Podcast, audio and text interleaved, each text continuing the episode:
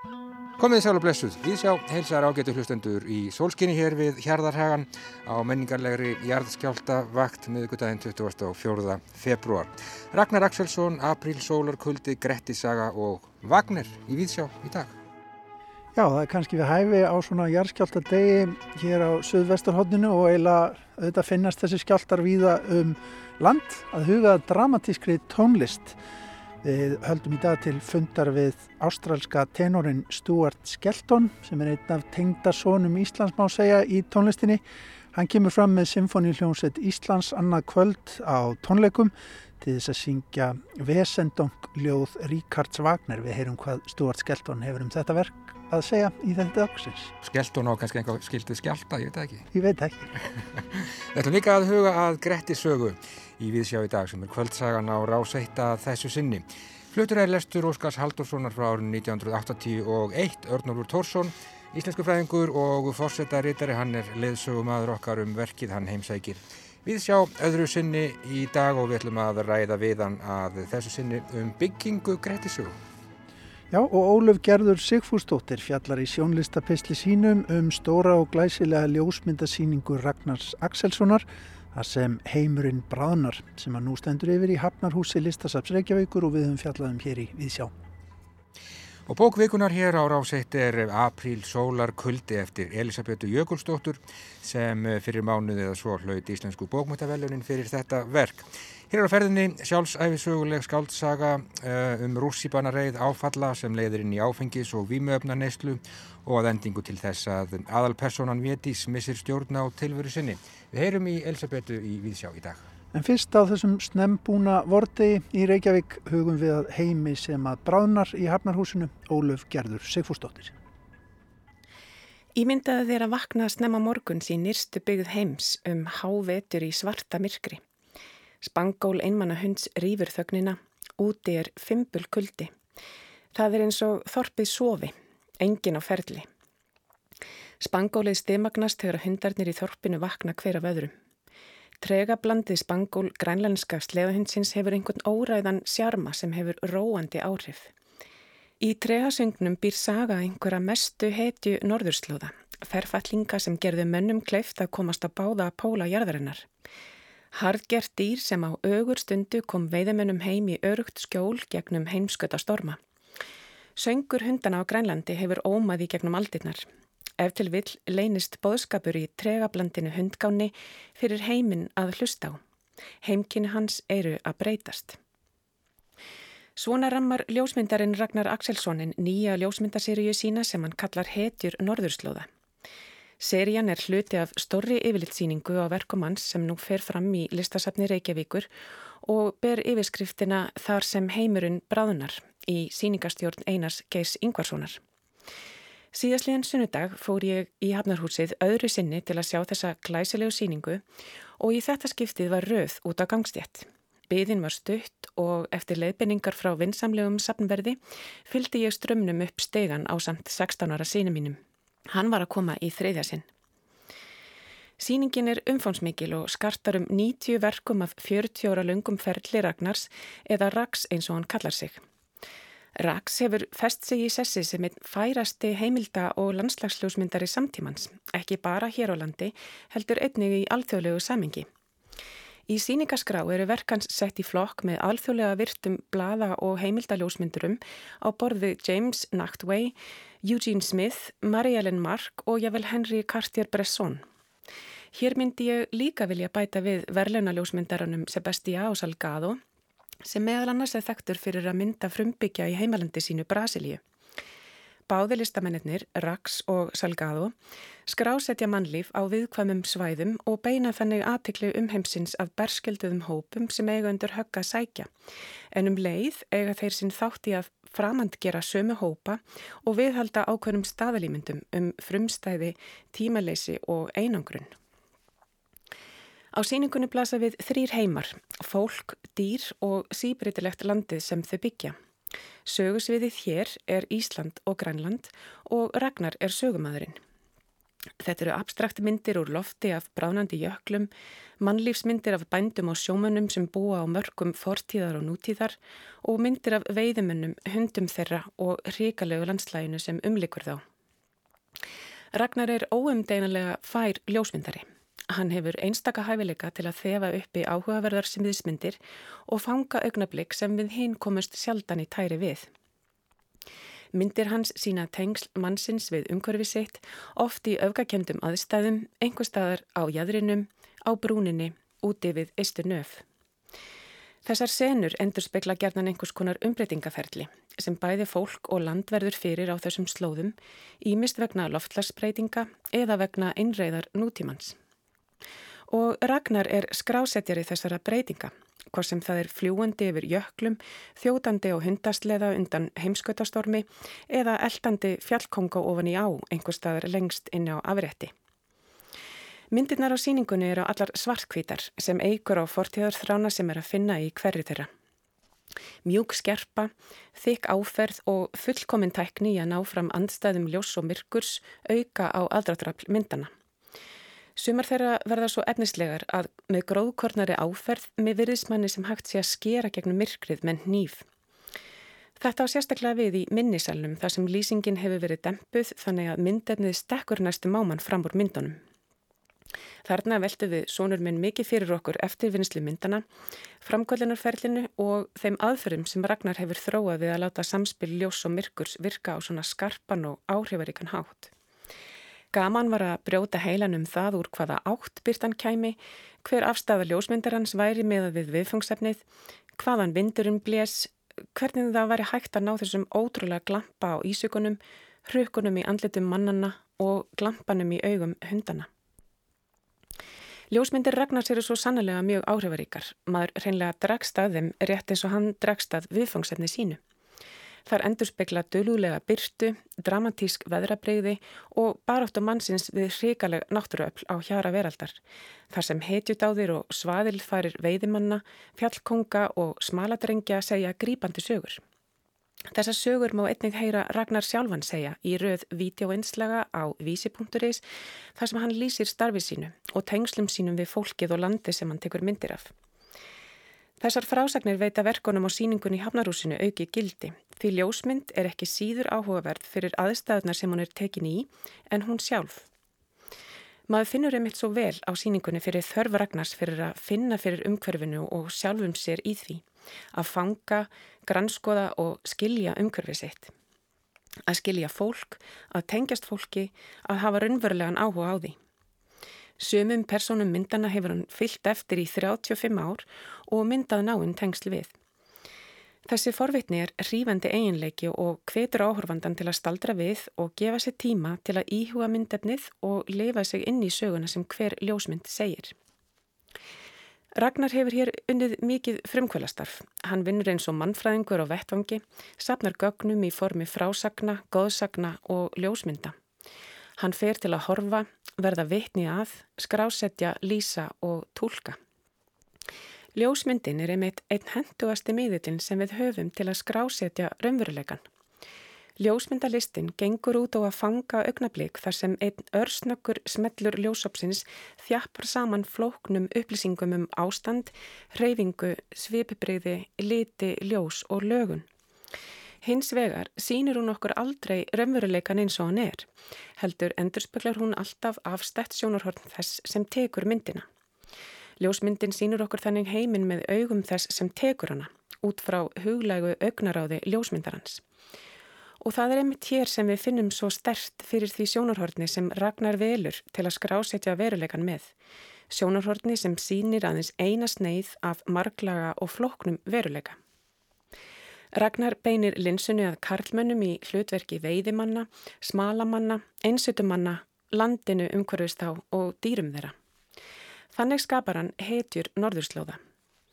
Í seríunni frá Grænlandi sjáum við hvergi konum bræða fyrir, en hvenna störf þar eru jafn nöðsynlega á karlana til að halda við þeim siðvenjum og þeirri sérhafðu þekkingu sem veiðmannarsamfélagi þarnast til að degi ekki út. En í kvennastörfunum fælstu þetta ekki sama spennan, áhættan eða lífsáskin og í karlastörfunum og því öllu minni heiðdjuskap þar að finna. svona í hefðbundum skilningi þess orðs allavegana. Það er einmitt á þennan hátt sem myndir Ragnars eru daldið íhaldsamar og sumpart klísukendar. Það er eiga sinn þátt í að viðhalda gömlum staðalímyndum um frumstætt samfélag og úr tengslum við samtíman, svo úr verður viss framand gerfing. Við fáum einungis sín inn í hetjuskap og karlmennsku þar sem dirska, hugrekki, þrautsegja og útalt er í forgrunni meðan öll önnur sjónarhorn eru skilin eftir, eru látin falla utan rammans sagði Ólöf Gerður Sigfúsdóttir um síningu Ragnars Axelssonar þar sem að heimurinn bráðnar sem að nú stendur yfir í Hafnarhúsi Listasaps Reykjavíkur. En þá að kvöld sögunni.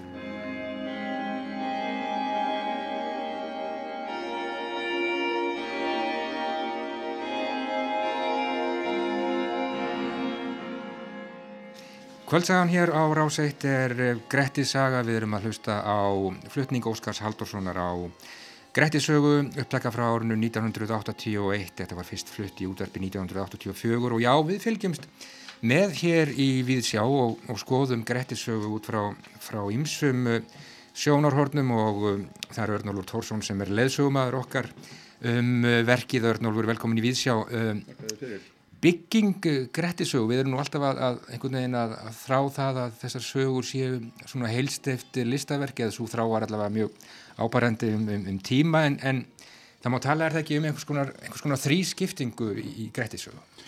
Jú, mér hefur fundist eh, byggingin minnadaldi eða svona draga dám af kannski alltæristöflu. Mm -hmm. Þú ert með uh, tvo stutta eða mjóa hliðarvangi og breyða og mikla meginsögu í miðjunni. Uh, allir saman eru þessi hlutar nátengdir og kannski tilbreyði um stef, þættir af ólíkum hetjum eða hetjum á ólíkum tíma. E, þessi tveir hliðarvangir eru þá önundarþáttur og spesarþáttur. Önundarþáttur um forföður Grettis, e, spesarþáttur segir af, af Þorsteini Drómundi bróður Grettis og speskonu hans í Miklagarði. Þessi, þessi báðir, þessi hlutar gerast utan Íslands um sé. Önundur er í Noregi og Breitlandsegjum spesar þáttur og Þorstein Strómundar í Noregi, Miklagarði og endar svo í Róm mm -hmm. eh, Karlhetjurnar í þessum uh, hliðarvangjum það er fara miklu öryggi gegnum erfiða siglingu og sigrast á mótlæti eh, önundur til að mynda lætur ekki fótarmissi eh, hérna leggja sér í kör heldur skýtur eins og sagan segir stokki undir fótinn þegar hann þarf að berjast. Og og hefur fræknastur verið á fimastur einfættur maður eins og sagan segir. Mm -hmm. meðan eh, við vitum hvernig fór fyrir Gretti með eh, hans fótarmein í lóksögunar eh, sem að má segja hafi dreyið hann til, til bana og þurfti svo sem ekki Þórbjörn Öngul þann veiðimann til að eh, högvan önundu trefótur fann sér sem sagt kvildarheimili, eh, við getum eh, stundum er Íslandi eins og elli heimili gamalla vikinga uh, hann fann sér sem sagt kvildarheimili undir Kalbæki vestur og Ströndum. Kröppuru kjör og, og svo framvegis, læta akra reppi Kalbæk eins og hann orti. En um, þó hann missi sínar eigur og þó hann missi fótinn þá er hann gæfumæður og hann er farsæl Eh, aðstæðunar og eh, umhverfið allt er kjörlendi fyrir vígamenn og eh, lesandin fær kannski á tilfinningun eða áhærandin að þegar Grettir kemur til sögunar að hann hefði fæðist of sent mm -hmm. hans hetjúskapur sé tímaskekja Já, okay. og svo er Þorstein Drómundur á hinnumendanum uh, bróður hans sem er getinn uh, ásmundur uh, fadir þeirra getur hann í Noregi og svo býður hann að tjaldabæki þar til að hans tími kemur þegar Grettir er allur. Hann er sem sagt með hérna mjóa handleiki sem að samt eh, hefna Grettis. Hann er uh, hetja nýra tíma má segja. Uh, hann, hann er, uh, syngur sig út úr dýflissunni sem er nú nýlunda og, og ekki þekkt úr öðrum sögum. Hann er bragðvís í, í sinni hend og í sínum ástum og uh, svo enda þau hjón, hann og Spes, sína daga í steini uh, í Róm uh, eftir að hafa lifað saman í 16 ár, jafn lengi og Grettir var í sinni útleg. Mm -hmm. Við getum segjan sagt að, að ef þetta er alltafistafla þá er þetta ferðalag frá einhverju heðinabergi e, á Hetjöld e, til Munkaklefa austur í, í, í Rómaborg. Já, en það er þráður í, í þessari þullu og þú hefur talað ekki um, um hvað, fimm þætti í Grettisögu um, þar sem hver þáttur ja, endar einhvern veginn á, á svona með enn frekar einangrun Grettis. Jú, það er endar sko ennú stólið frá bróðum mínum Guðmund Andra sem að fyrstur vakti máls á því í grein frá 1990 mm -hmm. Eh, ef að semast Grettisagar eins og, eins og minnir á byggingin minnir á, á alltaristöflu þá getur við líka sagt að hún minni á þryggja heða hús mm -hmm. eða sé eins og þryggja heða hús eftir hæðinu eru þessir þrýr megin þættir á miðhæðinni eru svo megin drættirnir í sögu Grettis þetta eru fimm getur við sagt, þrep í hans ferli. Í fyrsta þættinum er, er, eru barnabreikin eftir minnileg samskipti hans við föður og uh, þingreðin sem endar með því að hann drefur uh, húskallin í átökum um nestismal Já. og er dendur til þryggjar útleða, semst útleð frá Íslandi í lok fyrsta þáttar. Uh, hérna er stregin upp þessi skýra mynd af, af uh, mjög samsettum einstaklingi. Hann er eh, sagður vera ódæl, fátalaður, óþýður, bellin, lítill skapdeldamaður, óstýrilátur, óerðamaður. Mm -hmm. En hann er líka fríður og hann er sterkur, sterkar en aðri menn. Hann er augljóslega greindur og hann er bragðvís og hann er orðheppin og hann er skáldmæltur. Ja. Þannig að hann er, hann er eh, samsettur og það á viðum Gretti eins og aðrar personur í Íslendingasögum, vel flestar, ef ekki bara allar að þær spretta fram allskapaðar í upphafi með öllum sínum enkennum. Þetta er ekki personur eins og í nútíma skáldsögu sem að þroskast og þróast eða læra af sinni miklu reynslu. E, þær eru sem sagt hafa þessa heimannfylgju eða þessi örlög eða þessi álög og það er eins og Gretti segir sjálfur, engi maður skapa sér sjálfur, það er höfundurinn sem skapar hann. No, no, síðan er sem sagt annar þátturinn, þá fer hann í sína miklu fræðar för til Norex. Það getur við kallað að sé hans hefnisraun sem hetju. Hann, hann vinnur þar mikil árek, hann byrjar í hafinu eftir að hann er dregin upp úr bælinum frá konu stýrimannsins til að auðsa skipið og bjargar sínum samferðamönnum Hann sígur í haug eins og hörður honverakappi og nær þar í gott vopn. Uh, hann vinnur sigur á tól berserkjum í alveg frábærum kabla í sögunni uh, þar sem að við getum sagt að þessi leikur með sjónarhótt komi hvað skýrast fram mm -hmm. og hann glýmir við bjardýr en þetta er allt mikil áreg en það koma líka fram brestirnir þegar hann er móðgaður þá sést hann ekki fyrir og endanum þá drefur hann þrjá bræður og er gerður útlægur frá Noregi semst. Í fyrsta þætti er hann útlægur frá Íslandi, í öðrum þætti er hann útlægur frá Noregi og þriðji þátturinn er svo við getum kallað hápunkturinn, fyrri hápunktur sögunar ef setni hápunkturinn er döði Grettis. Mm -hmm. Spennan er mögnuð steg af stígi, uh, Gret, þanga til að Grettir glýmir við þennan sænska draug, uh, glám það er ekki margi svíjar sem komið við sögu, það er aðalega berserkir og draugar mm -hmm.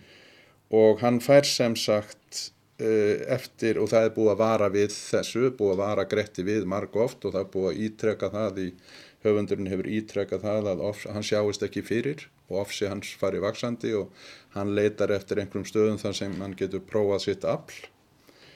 En hann sem það sést ekki fyrir glýmir við glám og fær þessa ílsbá sem að markar hans lífslaup. Uh, stöðvar þessi, þessi álög þau stöðvar líkamlegan þroska segja að öll verk hans muni snúast til ógef og hammingilöysis og hann verði dæmdur til útlegðar úr mannlegu félagi til ævilangrar einveru og innsemdar og, og, og loka orðin gera þessa einveru óbærilega þegar að sko uh, Glámur leggur það á hann að hann muni jafnan sjá fyrir sér þessi augu, þessi ófrínilegu augu gláms og þykja erfitt einum að vera. Já. Nú svo í fjórðaþættinum sem er setni ferðin til Norraugs þá er hún svona eins og, og speigila fyrirferðinni nema allt er nú með öðrum brak. Hann leggur samferðamönnum sínum lið eins og hann gerði í fyrirferðinu og barg þeim úr sjávarháska en þarna syndir hann eftir eldi og, og það leiðir til þess að hann, það brenna inni þarna tveir höfðingja sinnir á Norðurlandi, sinni Þóris í Gardi og, og síðan bara snúast öll hans verk, hann reynir að komast í hyrð hjá Ólafi Helga sem allar, allir almenlegi menn allar enda að gera á þessum tíma. Og, og til þess að uh, fá engöngu þá þarf hann að ganga undir skýrslu og hún mistekst trappalega og, og þar koma skapsmennir end við sögu. Og það eina í raun og veru sem honum tekst í þessari Nóriðsferð er uh, það sem vísar fram til hans framtíðar hlutvers þar að segja hann drefur þarna ílvígan berserk, snækoll og það vísar til þess hlutverk sem hann hefur nú fengið að reyðja burtu óvættum og, og öðru því sem ógnar samfélagi manna. Hann er orðin draugabanni, svo vísar sér í kveikmyndina. Um, og í fymta þættinum sem er lengstur og floknastur þá kemur fram þessi ílsbá. Uh, byggingin er, virðist manni kannski ekki markvis og fara kannski úr eini annað en Uh, þetta er í raun og veru ringverð um Ísland. Þar að segja hann, hann uh, þó hann fær ekki ringvegin í sjálfu sér. Hann byrjar í, í Húnaþingi hann fer í Skagafjörð hann fer á Vestfjörði, Vesturland Norðurland og til þess að sleppa engum hluta uh, landsins þá sendir höfundur hann í liðsbónaferðir um Suðurland og, og Östfjörði þó að þar gerist ekkert engin frásann að verða eventýri það er bara sagt hann að við farið þangað og uh, það sem einkennir uh, frásögn er það að róðurinn þingist stöðugt, að hann verður stöðugt einangraðri þó að hann tali við alla helstu höfðingja landsins og þeir takja honum allir vel, þá vil enginn hafa hann hjá sér til álengdar. Uh, þetta eru sem sagt, það er þingist róðurinn en, en samt eru gamansamir kablar á milli sem að sem að leta þetta er semast uh, það eru samskiptin við fóstbræður Reykjahólum sem er sem er eftirminnilegt þegar þeir spera þegar þeir sækja uh, nautið út í eina. Uh, það eru gletturna við bændur og mýrum og Grettis fæsla það eru viðuregni við afláta eins og Gísla Þorsteinsson og Þórótt Snorarsson það eru brellurnar við Þóri í Garðir samskiptin við Hallmund á, sem er svona fulltrú útilegumanna. Það er, ég veit ekki hvort á að tala um það sem gamansemi en það er semast uh, glíman við griðkuna á reykjum sem við verðum að segja sé heldur kaldrannulega gamansemi því að það er náttúrulega nöðgun mm -hmm. Og svo skakfist sveita glíma það er semast eitt og annað uh, sem að léttir frásöruna Allir þessi fimm þættir þeir eiga það sammeilegt að þeir byrja í einhvers konar lægð, það er ákveðin stígandi í frásörn í hverjum kabla og allir saman eins og ég sagði enda á útlegð. Já. Útlegð frá Íslandi, útlegð frá Noregi, útlegð úr samfélagi vennulegra manna, aftur útlegð frá Noregi og svo döði. Mjög áhugavert og já, gaman að hafa þennan struktúr í huga þegar við hlustum á lestur Óskars Haldurssonar á Grettisögu. Ég segi bara takk fyrir komuna í Víðsjá í dag, Örnólfur Tórsson og við hittumst aftur í næstu viku. Takk.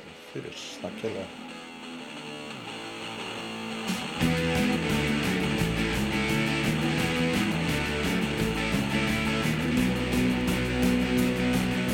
Álur hýttar mann sem kom úr jötu, mestur var þann eftir að hann dó. Stein í Grettisvötu, grimmastur var augastegni þó. Við drangið ykkur líka minn á bretti. Þú slítur þungur byrður sverna brá. Flíti vagnar alltaf einu bretti. Þegar að fara tegjur sér þá.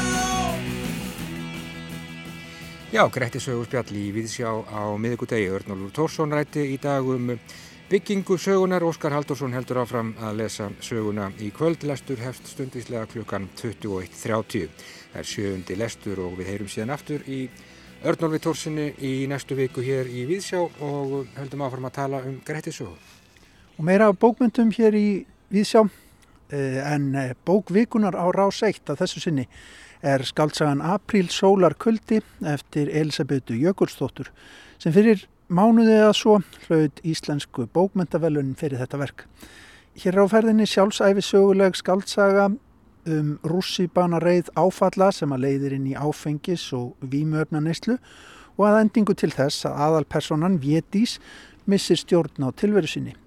Í umsögn domnundar Íslensku bókmyndavelununa sagði meðal annars að höfundur síni gott valda á skaldskaparforminu, sagan enkennist af ríku myndmáli og næmni í blæbriðaríkum texta átakanlegar sögu. Við skulum heyra viðtal Jórunar Sigurðardóttur sem er umsjónamaður þáttarins bók Vikunar á sunnudaginn kemur sem hún tók við Elisabetu en heyrim fyrst höfundin lesa upp af sögunar April Sólar Kulda. Dáin, dáin, hvernig gæti það verið? Hvað þýtti þetta orð? Hún skildi ekki orðið, henni var gjörsanlega fyrir munað að skilja það. Það var eins og hún væri fáviti. Hún endur tók orðið upphátt og í huganum aftur og aftur. Dáin en hún var engu nær og nú var þetta orð farið að stjórna lífið hennar. Þessi saga er um unga stúlku á norðurkveli jarðar sem missir pappasinn og atbyrðuna í kjálfari þess. Hún veikist á geði því hún getur ekki sínt en sorgar viðbröð. Hún verður ástfangin eftir dauða föðurins og kynni stópi í leiðinni. Þegar kærastinn fyrir frá henni sínur hún heldur engin sorgarviðbröð Geðveikin nær tökum á henni því hún hefur fengið áfall ofan í áfall. Fyrst mist föðurinn, svo kærast hann. Sjúkdómur hennar er sennilega meðfættur en brist nú fram. Og hver veit hvort það að hún stendur á þröskuldi fullorninsárana hefur sín áhrif. Hún vill ekki fara með barniðin í fullorninsárin því fyrst þarf að næra og hugga barnið, bernskuna. En hefst nú sagan. Það býða skilabóð til hennar millir horra fjalla um að ringja heim. Þegar hún kemur heim með litla strákin sinni farið að kvölda.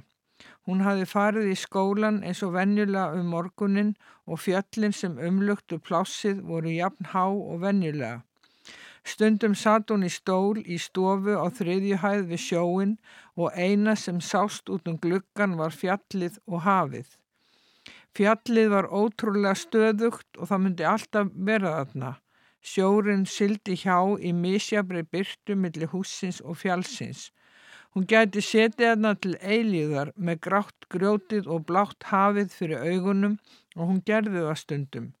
Fjallið var á hreyfingu, hafið var stöðugt, fjallið og hafið voru eilíf og hún trúði ekki á dauðan, hugsaði aldrei um dauðan og hafði ekki kynstónum. Hún myndi alltaf lifa þó var eitthvað þetta útsinni sem myndi á forgengileg manneskunar. Þess vegna gæti hún setið þarna svona lengi, heið eina sem manneskunni var mögulegt að skilja eftir sig voru minnismerki og nýjar kynnslóðir. Elisabeth Jökulstóttir, þú segir þarna í upphæfi bókarinnar frá hverju sagt í þessari sögun. En hvers konar saga er þetta? Hvernig saga? Já, það er hérna, já, örgulega eftir að komast því því ég lesa hann í annað sinn. ég er náttúrulega búin að lesa hann ofta miljón sinnum en bara einu sinni í bók og þetta er náttúrulega sjálfsæfisöguleg skaldsaga ef ég ætti að skilgreina hann. En þú kýst að eh, nota önnu nöfn, jafnvel aðra staði, hver veit, skiptir ekki máli jafnvel að pressa hlutina inn í ákveðin tímarama, þetta er tiltölulega þröngur tímarami sem sagan er. Af hverju gerur það? Það er bara svona mikið að gerast á þessum þrönga tímarama.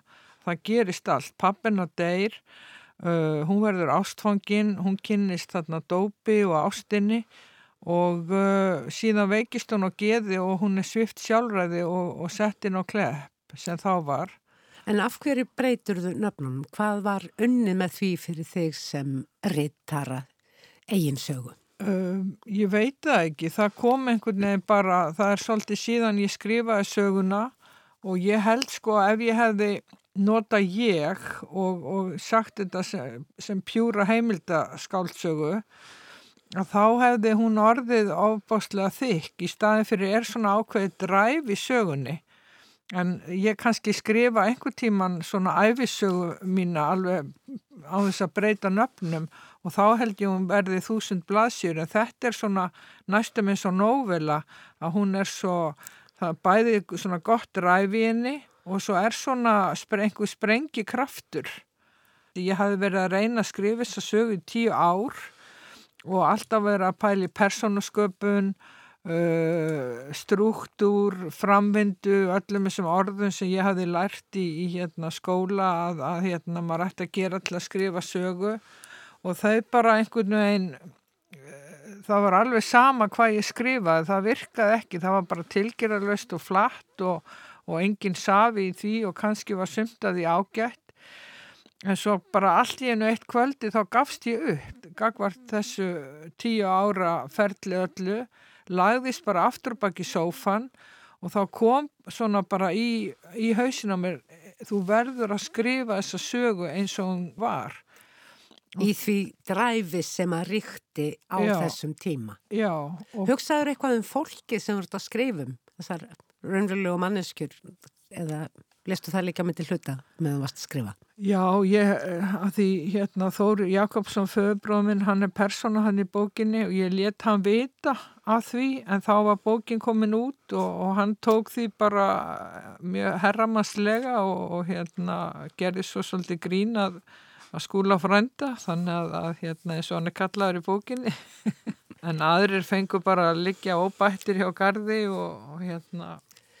Þú varst sem sagt í langan tíma búin að reyna að rifja upp og skrásetja í fyrstu personu en síðan ferðu bara af stað með allt þetta sem þú varst í rauninni kannski einhverstað búin að formúlera og skrifar það niður án þess að hugsa var þetta nú endilega nákvæmlega svona eða ekki heldur aðalega bara sagan og frásögnin og tilfinningin og, og andrumslaftið. Já, sko, saga skrifa sig eiginlega sjálf. Ég satt bara í keng og puttaði á mig gengur bara eins og villihestar, bara eins og heilt stóð og, uh, og hérna sumu leiti, þú veist, að þá ég skrifa hana rosalega hratt og það er svo merkilegt að fólk les, segir mér að það lesa hana bara í einu bretti bara, og segir að hún sé svona eins og rússipanni.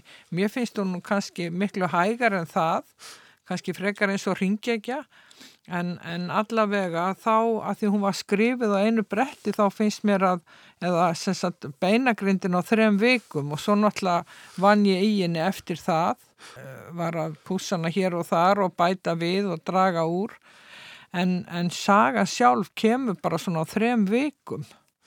Fannst þér Vétís skemmtileg, var, var gaman að fylgjast með henni, fannst þér Elisabetu það? Já, mér fannst það og ég hafði mikla samúð með henni og það var kannski samúðin og, og sem kemur þegar að, að maður nota þriði personu heldur en og þá minkar skömmin að því ég hafði svo ofbáslega skömmi yfir því að veikjast og ég fór í svo mikið þunglindi eftir að ég veiktist og og skammin var blek svört og, og uh, ég uppgöttaði að löngu setna að að hérna, það er ekki bara einstaklingurinn sem er veikur heldur er heilt samfélag veikt. Hvernig samfélagi tekur á veikindum sínir að samfélagið er veikt. Og uh, mér fannst það, ég er bara uppgönd að það kannski hérna í þessu útásviðtali eins og núna til dæmis, það eru 6.000 fátak börn á Íslandi, það eru 1300 tilkynningar um ofbeldi í COVID og það er ekki talað um það eins mikið eins og, og lofslagsbreytingar og, og bólusetningar og þessáttar. Og svo eru mjög margir haldnir kvíða, miklum kvíða. Erum við að heyra svolítið brotur síðari hluta sögunar Já. þar sem einmitt geðveikin er farin að gera sig heimankomna hjá Vétísi. Hún fór til Sigrúnar vinkonu sinnar upp á öldugötu og settist örmagna á kistilinn. Ég held ég þurfa að fara upp í sjónvarp, saði Vétís. Sjónvarp, saði Sigrún. Eða þetta er eiginlega leindarmál, ég held ég verða að fara. Þú varst að koma. En það er bara, nú kemur hausverkurinn. Hvað ætlar að gera upp í sjónvarp? Ekkert. Egu að koma í sund? Ég má ekki fara í sund. Mátt ekki fara í sund? Nei, þá slappa ég af, þá stoppa hugmyndirnar. Og hvaða hugmyndir? Bara, ég má ekki fara í sund. Þú getur prófað. Ég menna, kannski gerist eitthvað ræðilegt. Í sundi? Nei, bara það getur gerst annar staðar. Ég má ekki svíkjast um. Svíkjast um hvað? Þú nei, ég má ekki tala um þetta, þetta er bara svona. Hvað getur gerst annar staðar? Ég veit að það getur gerst. Það viltu samt ekki fylgja mér á leið í allir sund. Ha, jú, kannski heldur þau ætti ég að fara í sund, allir að sé óhætt. Komum allavega út úr húsinu. Þær komist út úr húsinu og Sigrún vinkonennar ætlaði vestubæðalögina en hún ætlaði sko ekki sund því það gæti gerst eitthvað hræðilegt. Hún fann á sér hvernig það nálgæðist. Bráðum myndi eitthvað hræðilegt gerast og hún skildi reyna, átti að reyna, leggja allt sitt að mörgum til að koma í veg fyrir það. Það var hlutverkið. Manstu eftir þessum tíma, Elisabeth? Já, bara mjög vel. Og ég er oft spurðað þessu hvort ég muni þetta en, en hérna maður mann náttúrulega kannski ekki allt en, en hérna maður er svo það er kveikt á öllum öllum einhvern veginn, það logar allt sko hausin á manni allt tengist allt tengist og, og, og hérna allt verður já þannig að ég, já, ég mann mjög vel eftir þessum tíma Mér langar að spyrja það eina lokum hvaða augum lítur þú sannleikan? Er eitthvað satt? Já, það er náttúrulega við allavega komum okkur saman um sannleika eins og við komum okkur saman um raunveruleika. Ég held að sé satt að vera góður og, og við vitum all hvað það er að vera góður. Og uh, sannleikurinn í bókinni er að þú veist að þetta er minn sannleikur, þetta er mín saga. Og ég hugsa ef mamma ætti að segja söguna þá var hún allt öðruvísi. Og ef að Sigrún vinkona mín sem er hann að nafninu breytt að ætti að segja söguna þá væri það líka allt öðruvísi og ég var svolítið að tala um það mitt í ræðinu minni sem ég held að ná bestastöðum eftir ég fekk bókmyndavellunin að, að hérna, við yrðum að hlusta á hvers annars sögu að því það er svo mikill kraftur í sögun okkar. Það, við sjáum svo vel það sést allt í sögunni, sagan er svo fjársjóður, saga, það er allt falið í sögunni. Jórun Siguradóttir ræti þarna við Elisabetu Jökulsdóttur bókvikunar á ráseitt að þessu sinni. Skálsaga hennar Apríl Sólar Kuldi. Á sunnudaginn kemur ræðir Jórun við þær Gunnþórunni Guðmundsdóttur professor í bókmyndafræði og Hólmfríði Maríu Bjarnadóttur bókmyndafræðing og rittstjóra um Apríl Sólar Kulda í þættinum bókvikunar. Þá ætlum við að huga að tónleikahaldi í Hörpu hjá Symfóníu hljómsveit Íslands. Það eru tónleikar annarkvöld.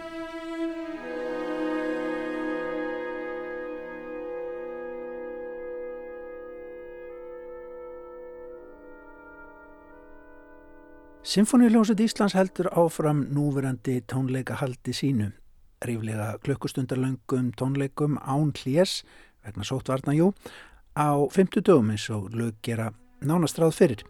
Undanfarnar vikur hefur nýráðin aðalhjónstastjóri sveitarinnar, hinn finska Eva Ollikainen verið við störf og þannig náða að þróa starfsamband sitt við sveitina með miklum ágætum.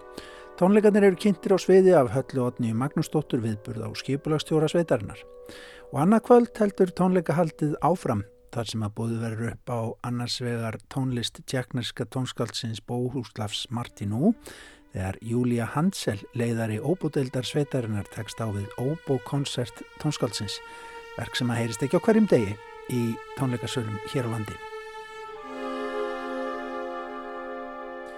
Og hins vegar verður tónlist sjálfs Ríkards Wagner í forgrunni tónleikana en fá tónskáld höfðu líklega meiri áhrif á tónlist framtíðarsinnar en Emmitt Wagner. Hljónsveitin leikur forleikin og líbestót ástardauðan og reytni af þekktustu óperum tónskáldsins Tristan og Ísold.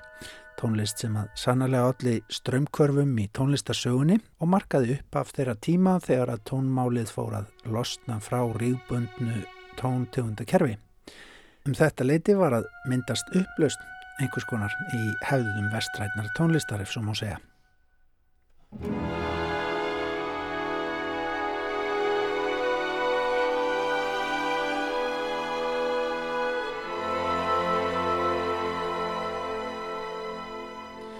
Og svo verða á efnisgrá tónleikana Vesendong söngvarnir eða Vesendong ljóðin eftir Ríkard Wagner. Munuarfull tónlist sem hann samti við ljóð myndrar ástkonu sinnar Matilde Vesendung í það minnsta voru þau nánir vinir.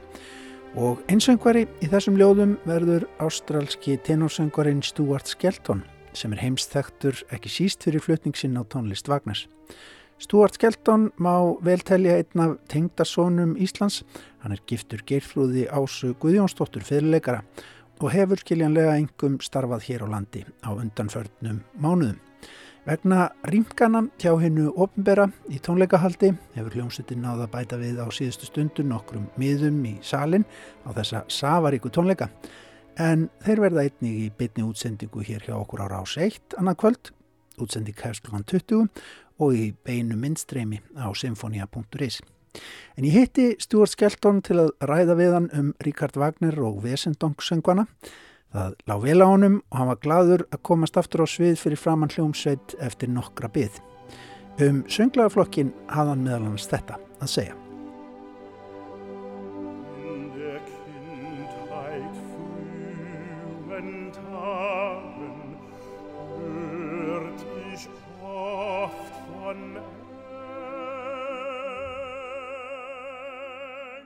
There's always, of course, the the never proven rumour that he and Matilda Wiesendonck were having an affair. No one really knows if that's true or not.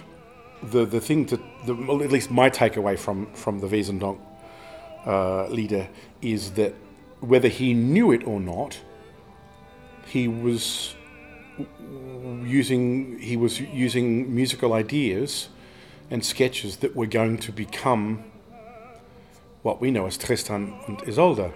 And I think that's the, the most amazing part of, the, of, these, of these songs, at least two of them. We can see where he's headed. You know, we have a, a, an incredible insight into his, where he, where he was going to end up. Engin veit fyrir víst hvort Wagner og Matilde Wesendonck höfundur ljóðana og eiginkonna velgjörðarmanns Wagners áttu í eiginlegu ástarsambandi, segir Stuart Skelton. Það skipti kannski ekki nákvæmlega máli hvað gerðist millið þeirra. Mér finnst mikið vegast að hlustendur átti sjá því, hvort sem að Wagner vissi það eða ekki, að hann var í þessum söngum að nota tónlistarhugmyndir og einingar sem áttu eftir að verða það sem við þekkjum í dag sem Tristan og Ísold. Í þessari tónlist og alveg greinilega í tveimur lagana í floknum sjáum við hvert hann stefnir.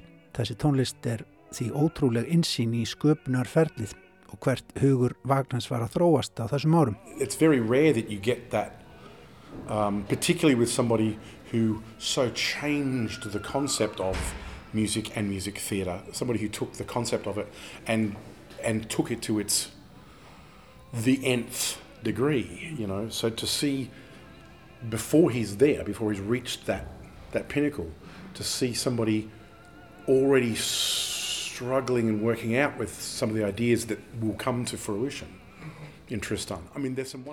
Slík insýnar sjálfgæf og ekki síst hjá manni sem að breytir tónlistarsögunni með svo dramatískum hætti og átti við um Ríkard Wagner og tónlistarleikúsið sem hann var að þróa. Hann fór með það í algjörlega nýjar áttir. Það er daldið eins og hans við að nálgast hátindin í síni sköpun, segir Stuart Skelton. Svo er þetta tónlist sem að stendur hjarta söngvarnans næri því að Wagner hefur verið stór hluti af verðli Stuart Skelton.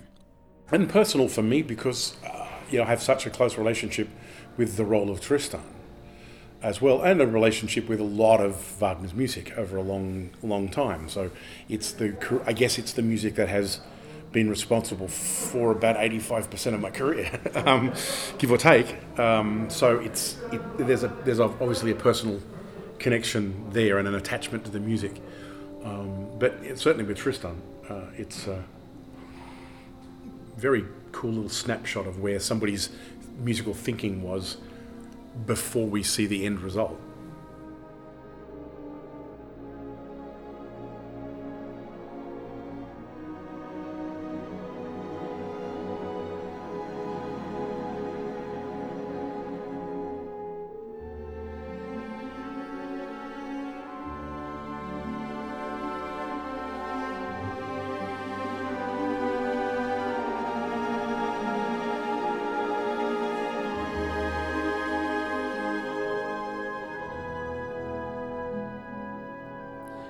Wagner hefur líklega verið svona 85% af mínum söngferli, segir Stuart Skelton.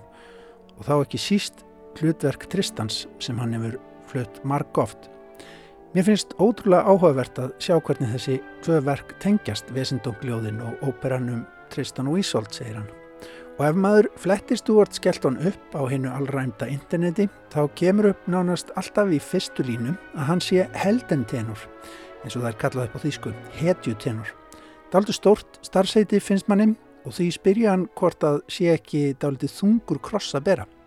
Well, it's interesting. I mean, Helden tenor is just the it's the it's the German translation of the word heroic tenor, uh, and I strongly suspect that the, that category didn't exist before Wagner.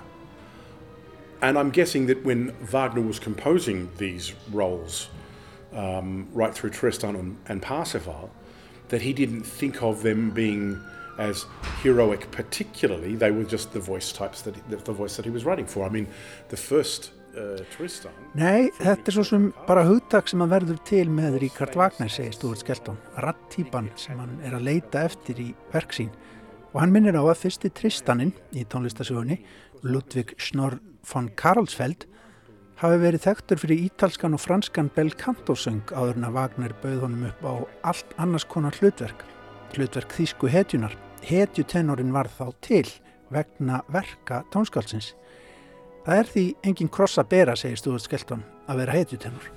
It, it's not much of a cross to bear, I guess, because Rossini, Donizetti, um, Bellini, bel canto stuff.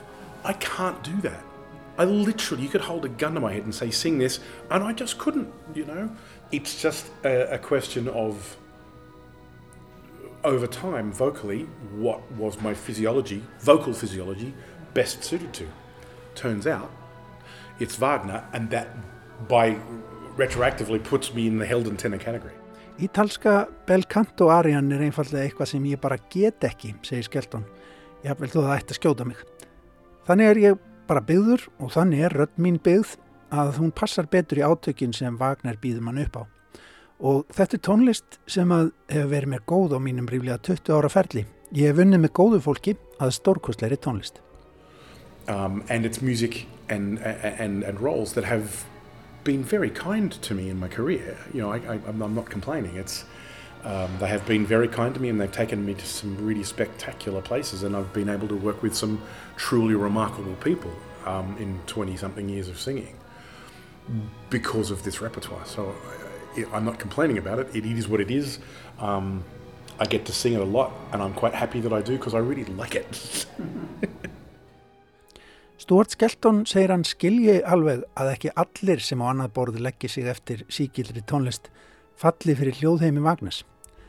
Hann hins vegar hafi alltaf dreyist að þessari síðromantísku stóru tónlist og að segja hægt að upplifað með vali á réttum verkum án þess að leggjast í að hlusta á margra tíma óperur tónskálsins sem vissulega eru jú margar langar. Absolutely, there's no question. He's an acquired taste and I understand, completely understand those people who hear Wagner and don't see that it's music or hear that it's music for them. I totally understand that. And I would never argue with them. It's music for me. I'm a huge fan of Bruckner, and not everyone is. I'm a huge fan of Sibelius, and not everyone is. Um, those sorts of things. For, for whatever reason, I don't know, there's a circuit in my brain somewhere that I am attracted to that mid to late romantic period of music. Um, and some people just aren't. Uh, Wagner is, I think the, the thing about Wagner is, even if it's not your cup of tea, and, and I'm not saying it should be, if it's not your cup of tea, then, and, but somebody's saying that you should experience it, then there are things of Wagner that you can experience that don't require a five and a half hour commitment. You know, Flying Dutchman is two and a bit hours. Uh, the Wiesendonklieder, for, for instance, these, uh, these songs uh, are about 15, 16 minutes in total. Um, and a lot of his overtures. Th- this is music that you can listen to that maybe 10, 12, 15 minutes that gets you into that sound world. And if that sound world isn't for you, that's fine. Já, forleikir að verkum Wagners bjóða fólk velkomið inn í þennan heim, stittri óperur líka og síðan eru vesendongljóðin frábærleið til að taka stöðuna á hljóðheimi Ríkards Wagner, segir Stuart Skelton. Who, who, find Wagner are intimidated by it, and I understand that. Yeah, it's like, because the concept of Wagner is it's all very loud and it's all very long, and I think this Wiesendonck maybe is the is the perfect introduction because it gives you an an, uh, uh, an insight into his sound world, the world he was trying to create, and the world that he ends up creating much later in his life. But it's all done in about 15 minutes, so you get a real sense of it. And if if after those 15 minutes, know, you know that's not really my sound world, like that's fine, no drama whatsoever. Um, you know, I, I find it incredibly moving, uh, but not everyone does, and uh, it, it is what it is.